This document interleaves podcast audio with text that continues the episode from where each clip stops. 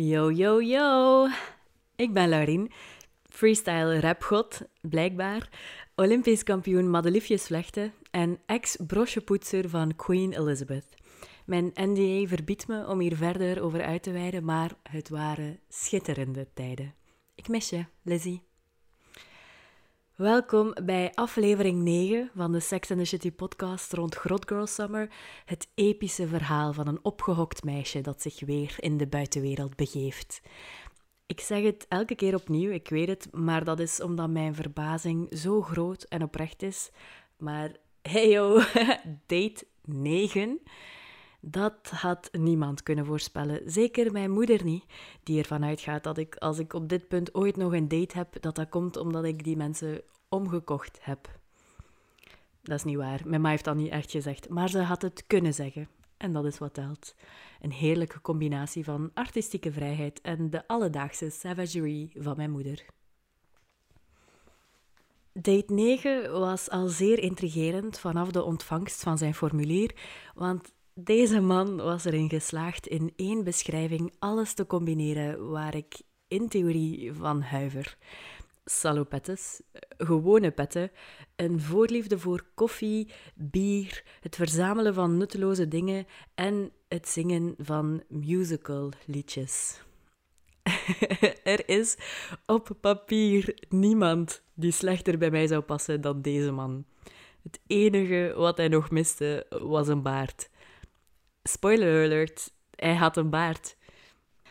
Alles wat ik nu ga zeggen zijn puur gezellige vooroordeeltjes van mezelf, dus dit heeft op dit punt niets te maken met date 9. Laten we hem de musicalman noemen. Het is niet zo dat ik gillend wegloop van petten, Salo en anderen, maar ik, ik ben er ook niet voor. Ik ben net iets meer dan onverschillig, maar aan de negatieve kant, weliswaar. Ik heb zelf weinig affiniteit met koffie en bier en ik vind alles craft eigenlijk echt stom. Ik drink heel graag koffie, maar of dat nu vers geroosterde, handgeplukte Braziliaanse bonen zijn of de oploschikorij van mijn grootmoeder, dat interesseert mij echt geen holio. Tuurlijk, sommige zijn lekkerder dan andere, maar het gaat mij meer om het idee en de warmte van een kopje koffie dan per se het vakmanschap van de makers. Ik ben ook echt geen fan van onnodige spullen, hoewel ik zelf ook erg geniet van de tekeningen en prints die op mijn kamer hangen en die technisch gezien ook onnodig zijn. Ik, ik hou wel van gezelligheid, maar wat doet je met al dat gerief? En dan ja, nog het ergste. Ik hou echt niet van musical, mensen. Ik heb mij een breuk gelachen dat deze jongen zich had ingeschreven voor Grot Girl Summer. Alsof dat hij aanvoelde dat ik ongeveer één keer per week, soms terecht, soms onterecht, luidop moet zeggen... Ah, ik hou echt niet van musical, mensen. Ik zeg dat dus gewoon. Ik, ik hou echt niet van musical, mensen. Eén keer per week, gewoon. Ugh musical mensen. Eh, en ik weet ook niet wat het is, want ik ben niet per se tegen musicals. Ik, ik heb in Londen ooit The Phantom of the Opera gezien en dat was letterlijk de mooiste ervaring van mijn leven. Maar ik heb wel iets tegen de mensen of zo. Dat klinkt echt gemeen en om geen enkele reden de moeite allee, of nodig om te zeggen, maar ja, is het de onhoudbare levensvreugde dat die mensen uitstralen. Misschien kan ik dat gewoon niet aan. Waarom zijt je zo gelukkig, Stacy? Ik wil het weten, maar kunt je het ook opschrijven in plaats van het te zingen?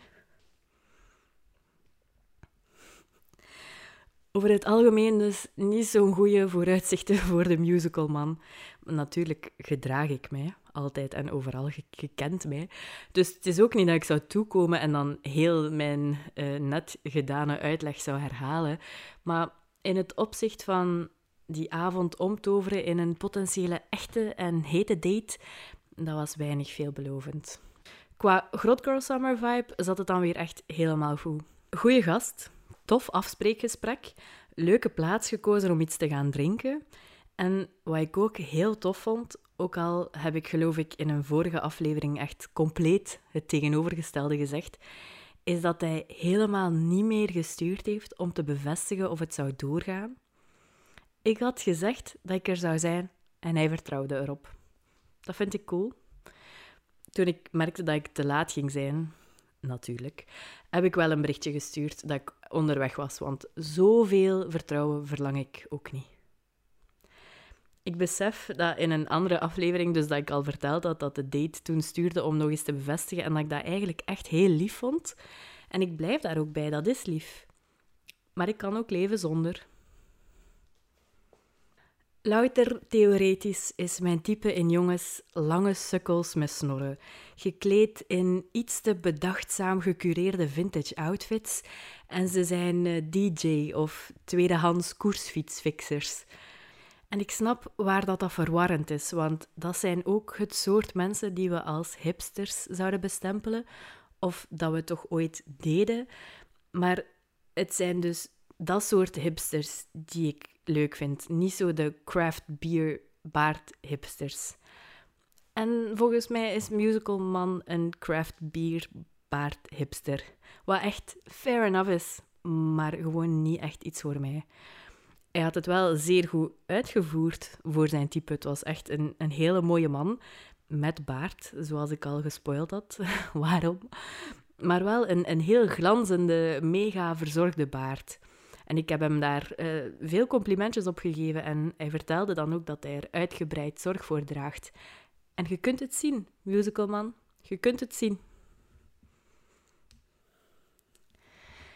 Hij had ook een cadeautje voor mij meegebracht, wat altijd heel grappig en super lief is.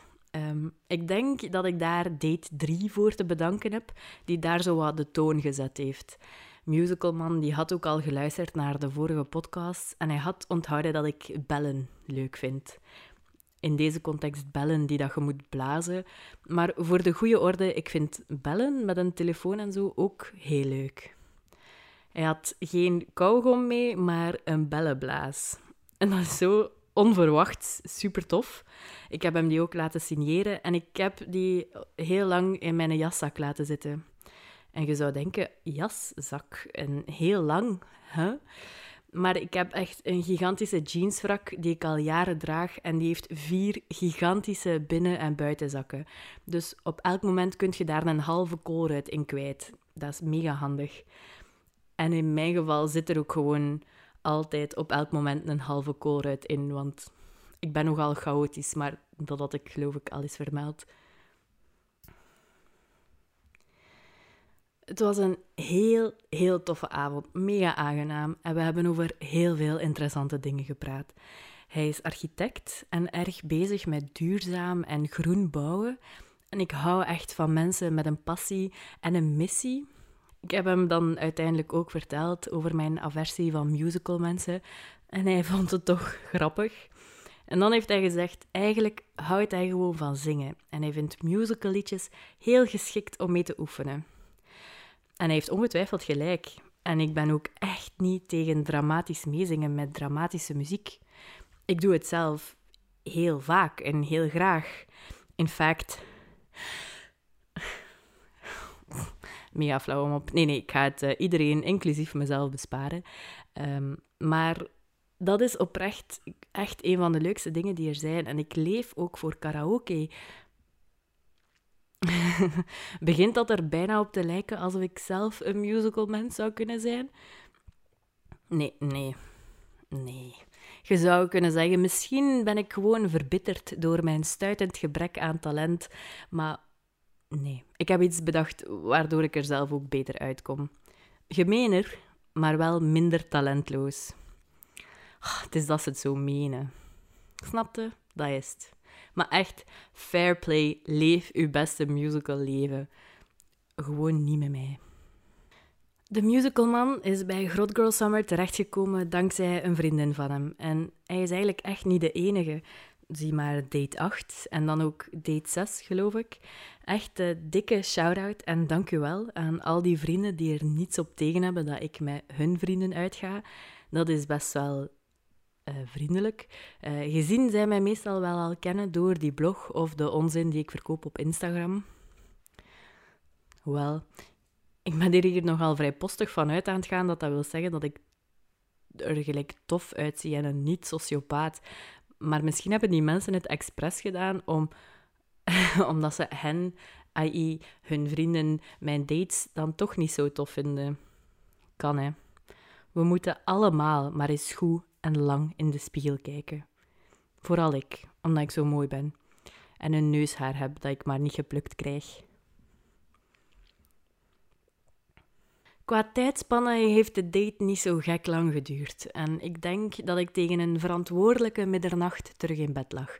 Wat laat lijkt, ik weet het, op een weekdag.